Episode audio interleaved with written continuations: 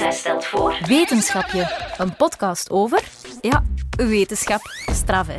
Over kleine en grote vragen van grote en kleine denkers.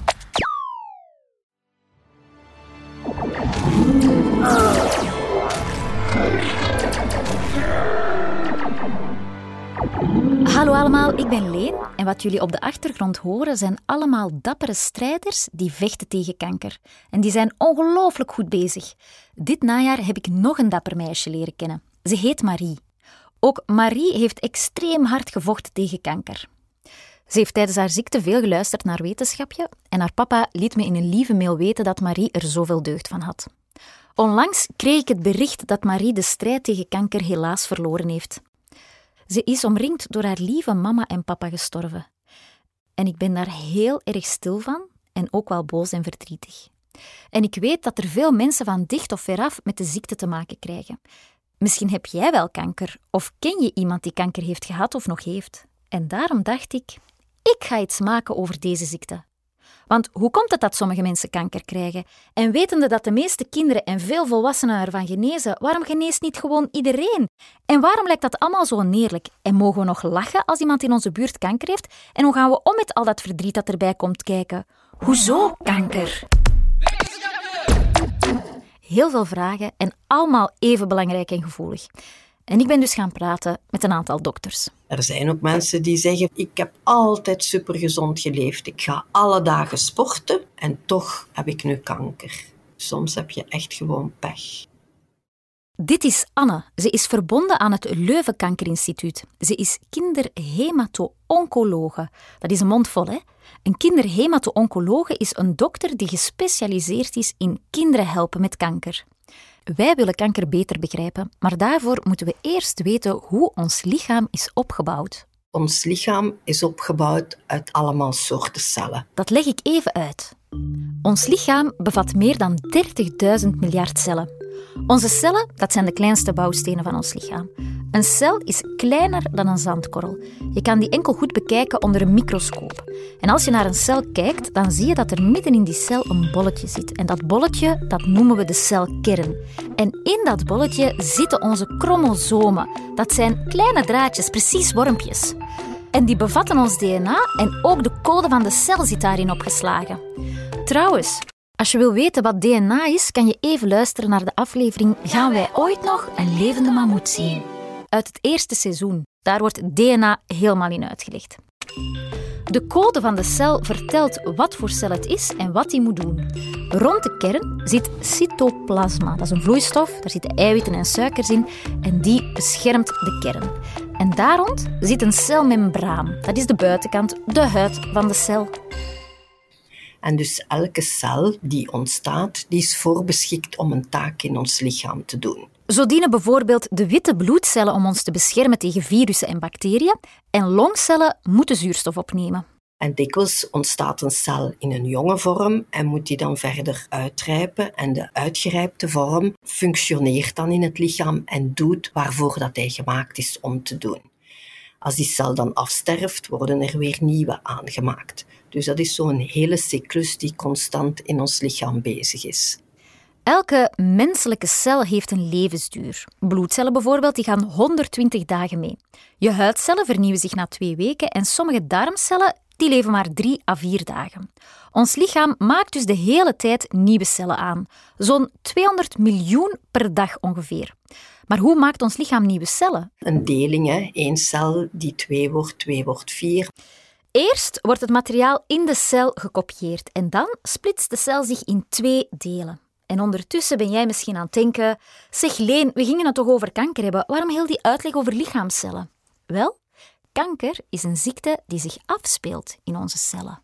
Kanker is eigenlijk celletjes en groei van cellen die ontsporen. En dus elke cel kan eigenlijk ontwikkelen tot een kankercel.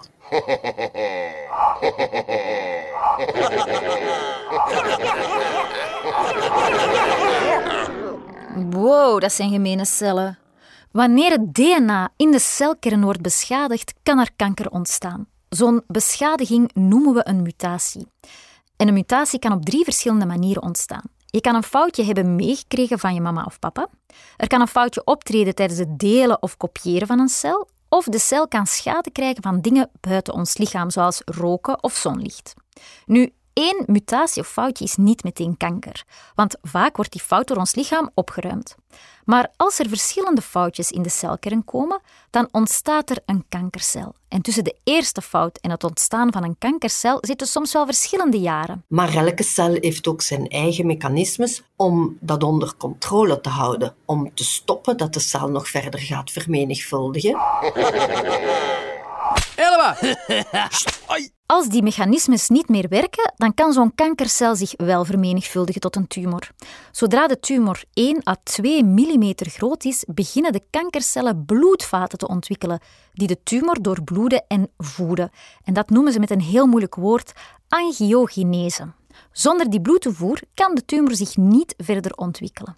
In een nog latere fase kunnen er uitzaaiingen ontstaan. Anne, wat zijn uitzaaiingen?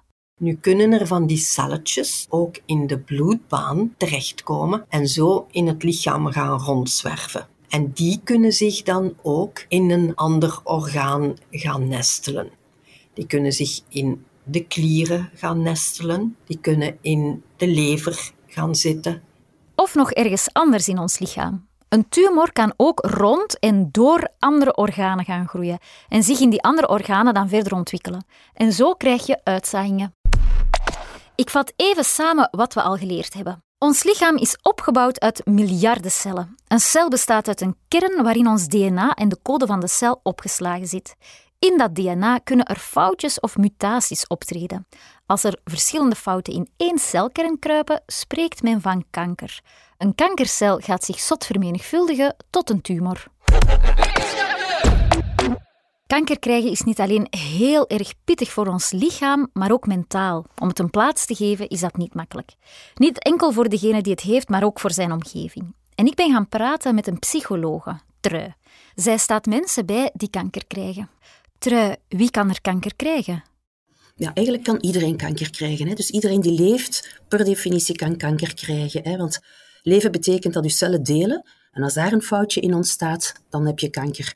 Dus Dieren kunnen dat ook krijgen, bomen kunnen dat krijgen, planten kunnen dat krijgen en mensen dus natuurlijk ook. Hè. Dus, en dat kan van een baby af aan zijn.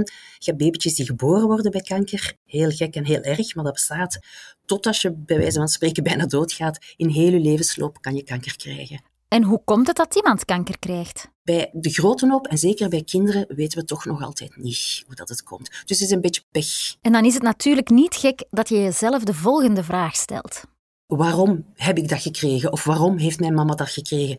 En vaak, in de meerderheid van de gevallen, hebben wij daar geen antwoord op. Dus dan begin je zelf te fantaseren, hè, te denken van, oh, ik heb misschien dit verkeerd gedaan, of ik heb misschien dat verkeerd gedaan. Maar ook als ouder zit je dan te denken hè, van, ik heb geen goede voeding aan mijn kind gegeven, we wonen op een plek die ongezond is. Dus je zit eigenlijk zelf te zoeken van, naar een waarom voor iets dat je eigenlijk niet echt kunt verklaren. Je kunt je daar inderdaad heel, heel schuldig rond voelen. Je zegt dat ook best als dat zo is, hè. Yes, praten. Je praat daar het best over, want dan kan je samen ontdekken of dat schuldgevoel wel terecht is. En weet je, ik zal eens iets verklappen. Dat schuldgevoel gaat niet terecht zijn. Want niemand, niemand krijgt kanker door niet flink te zijn geweest of een foutje te maken. Vermits er heel erg veel verschillende soorten lichaamcellen bestaan, bestaan er ook heel veel verschillende soorten kanker. Je hebt botkanker, bloedkanker, nierkanker, longkanker, hersentumoren enzovoort. Hoe kunnen we kanker nu behandelen? Ella, jullie zijn hier niet welkom. Ai. Oh, vuile kankercellen. Ik zuig jullie allemaal weg. Kom jong kankercel, in de cel. We kunnen kankercellen helaas niet achter slot en grendel steken, maar hoe kunnen we kanker dan wel behandelen, Anne? Elk type kanker heeft zijn eigen specifieke behandeling. Er zijn kankers die we met alleen operatie kunnen genezen en waar dat de tumor volledig kan weggenomen worden en dat er geen nabehandeling nodig is. Er zijn kankers die we moeten genezen met medicatie. Dat noemen we chemotherapie. Chemotherapie is celdodende medicatie. En er zijn ook andere soorten die we moeten behandelen met bestraling. Een combinatie van deze behandelingen is ook mogelijk.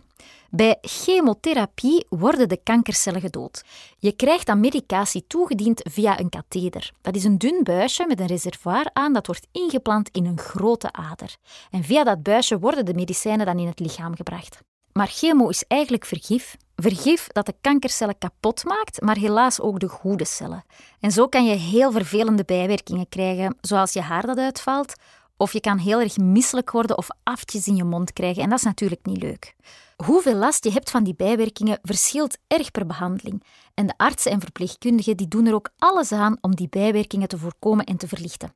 En ondertussen is men wereldwijd bezig om nieuwe medicijnen te maken die mensen met kanker nog beter kunnen helpen.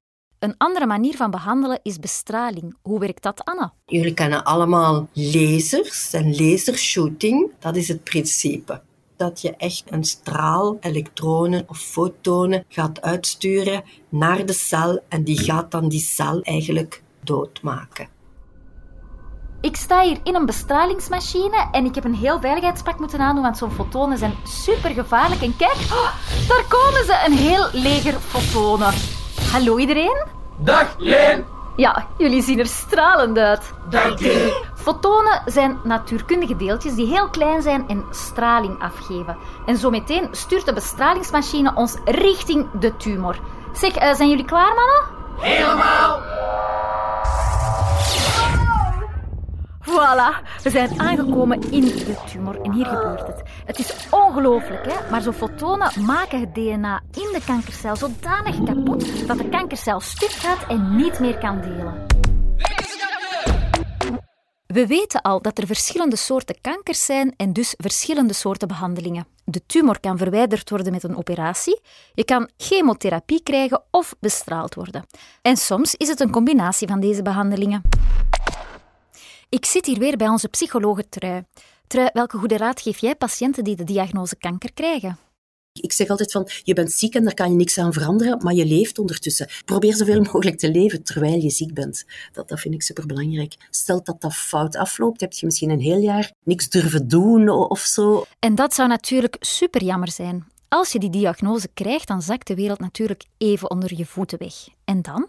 Vertel dat gewoon op school. Vertel dat tegen je vrienden en vriendinnen zo rap mogelijk. Want anders beginnen die toch na te denken, hè, waarom ben je niet op school? En dat is nu al een week en die is nog altijd niet terug. En dan komt die ene dag en die ziet er niet goed uit en die is terug weg. Betrek je vrienden maar bij wat je meemaakt. Ook wanneer het iemand is uit je omgeving die kanker heeft. Ze kunnen je steunen en helpen. Je kan ook altijd terecht bij iemand professioneel, zoals Trui. Als die mensen dan willen praten met iemand, de dokters leggen altijd wel alles heel goed uit, maar die hebben heel veel patiënten, het moet soms wel rap gaan. Wij proberen het nog eens opnieuw te vertalen in meer gewone mensentaal. En we hebben gewoon ook meer tijd om te luisteren en mee na te denken van hoe ga ik om met die kanker? Wat doe ik terwijl ik ziek ben? Zo van die vragen. En we zoeken eigenlijk een beetje uit wat wij samen met dat kind en dat gezin kunnen doen. Stel dat je mama of papa kanker krijgt. Ik kan me voorstellen dat je dan denkt, wat moet ik nu doen? Wij zien dikwijls als zo kinderen dan eigenlijk heel veel proberen te zorgen ook. Hè. Super lief te zijn, uh, heel goed te zorgen, eten te proberen maken, wat weet ik allemaal. En dat is super tof en heel goed bedoeld, maar dat kan je niet volhouden. Hè. Want vaak als iemand kanker heeft, duurt dat weken, maanden tot jaren.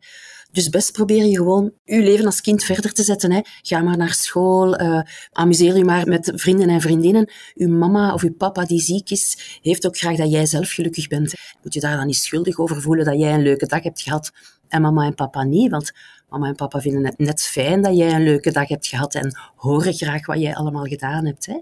Ik onthoud vooral dat je best probeert om nog plezier te maken en je je niet schuldig moet voelen. Hoewel er supergoede behandelingen bestaan en er een team klaar staat om je te helpen en te steunen, kan het toch zijn dat je de strijd tegen kanker verliest. Anne, wat gebeurt er dan in ons lichaam? Wanneer we een kanker niet meer kunnen behandelen, dan gaan die celletjes, moet je je dat voorstellen, dat die overal in je lichaam gaan zitten. Er gaat een tumor zo groot worden dat die ook de hartfunctie gaat belemmeren of die gaat in de hersenen verder gaan groeien.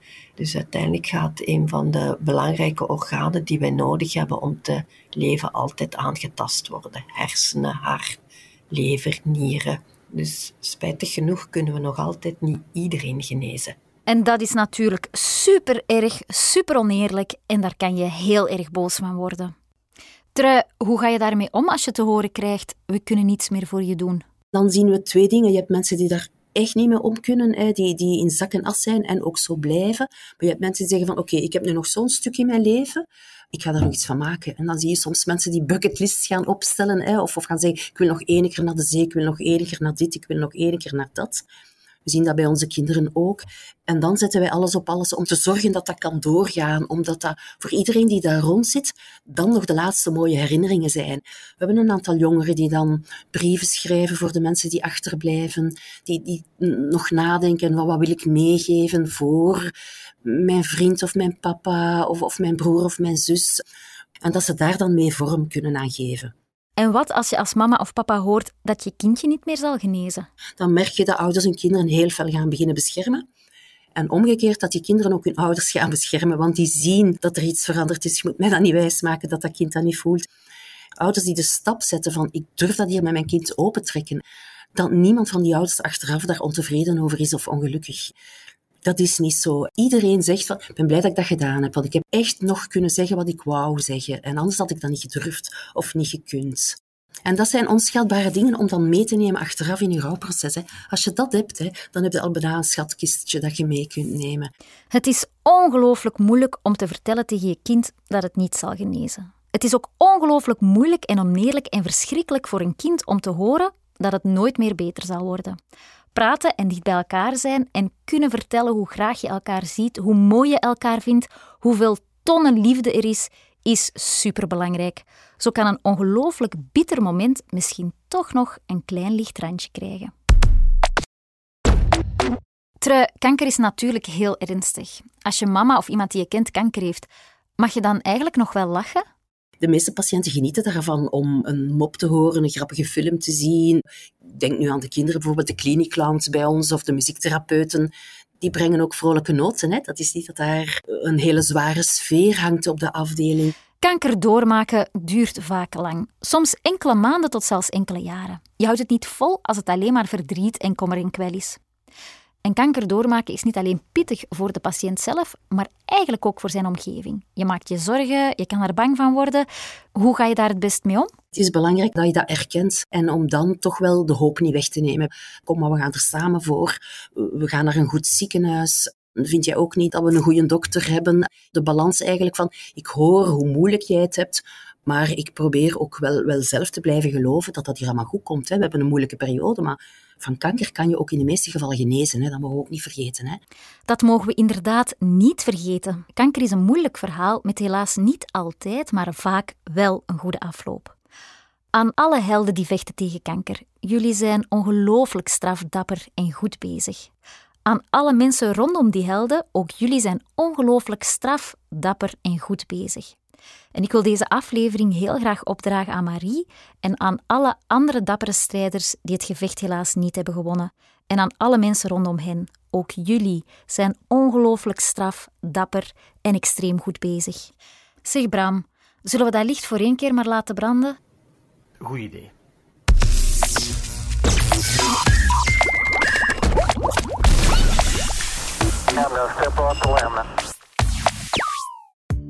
Zit jij al langer met een borrelende vraag? Stel ze gerust aan leen.geluidshuis.be. Wie weet maak ik er wel een heel wetenschapje van. Dit was Wetenschapje. Met de vakkundige kennis van Anne Uitenbroek en Truiver Kruisen. Met de steun van het Leuven Kankerinstituut. Wetenschapje is een productie van het Geluidshuis. Concept, host en regie, Leen Renders. Klank en muziek, Bram Kouwmans. Illustratie, Sam van Bellen. Met hulp achter de schermen van Marijke Guttes, Katarina Martinovski, Pieter-Jan Vinks en Shana van den Broek.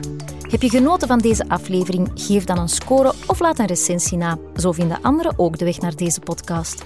Op wetenschapje.be vind je meer info en onze andere producties zoals Heerlijk Hoorspel, De geweldige Piep Fladdermuis of Fromage over een voetballende muis. Dag wetenschappers, tot het volgende seizoen hè!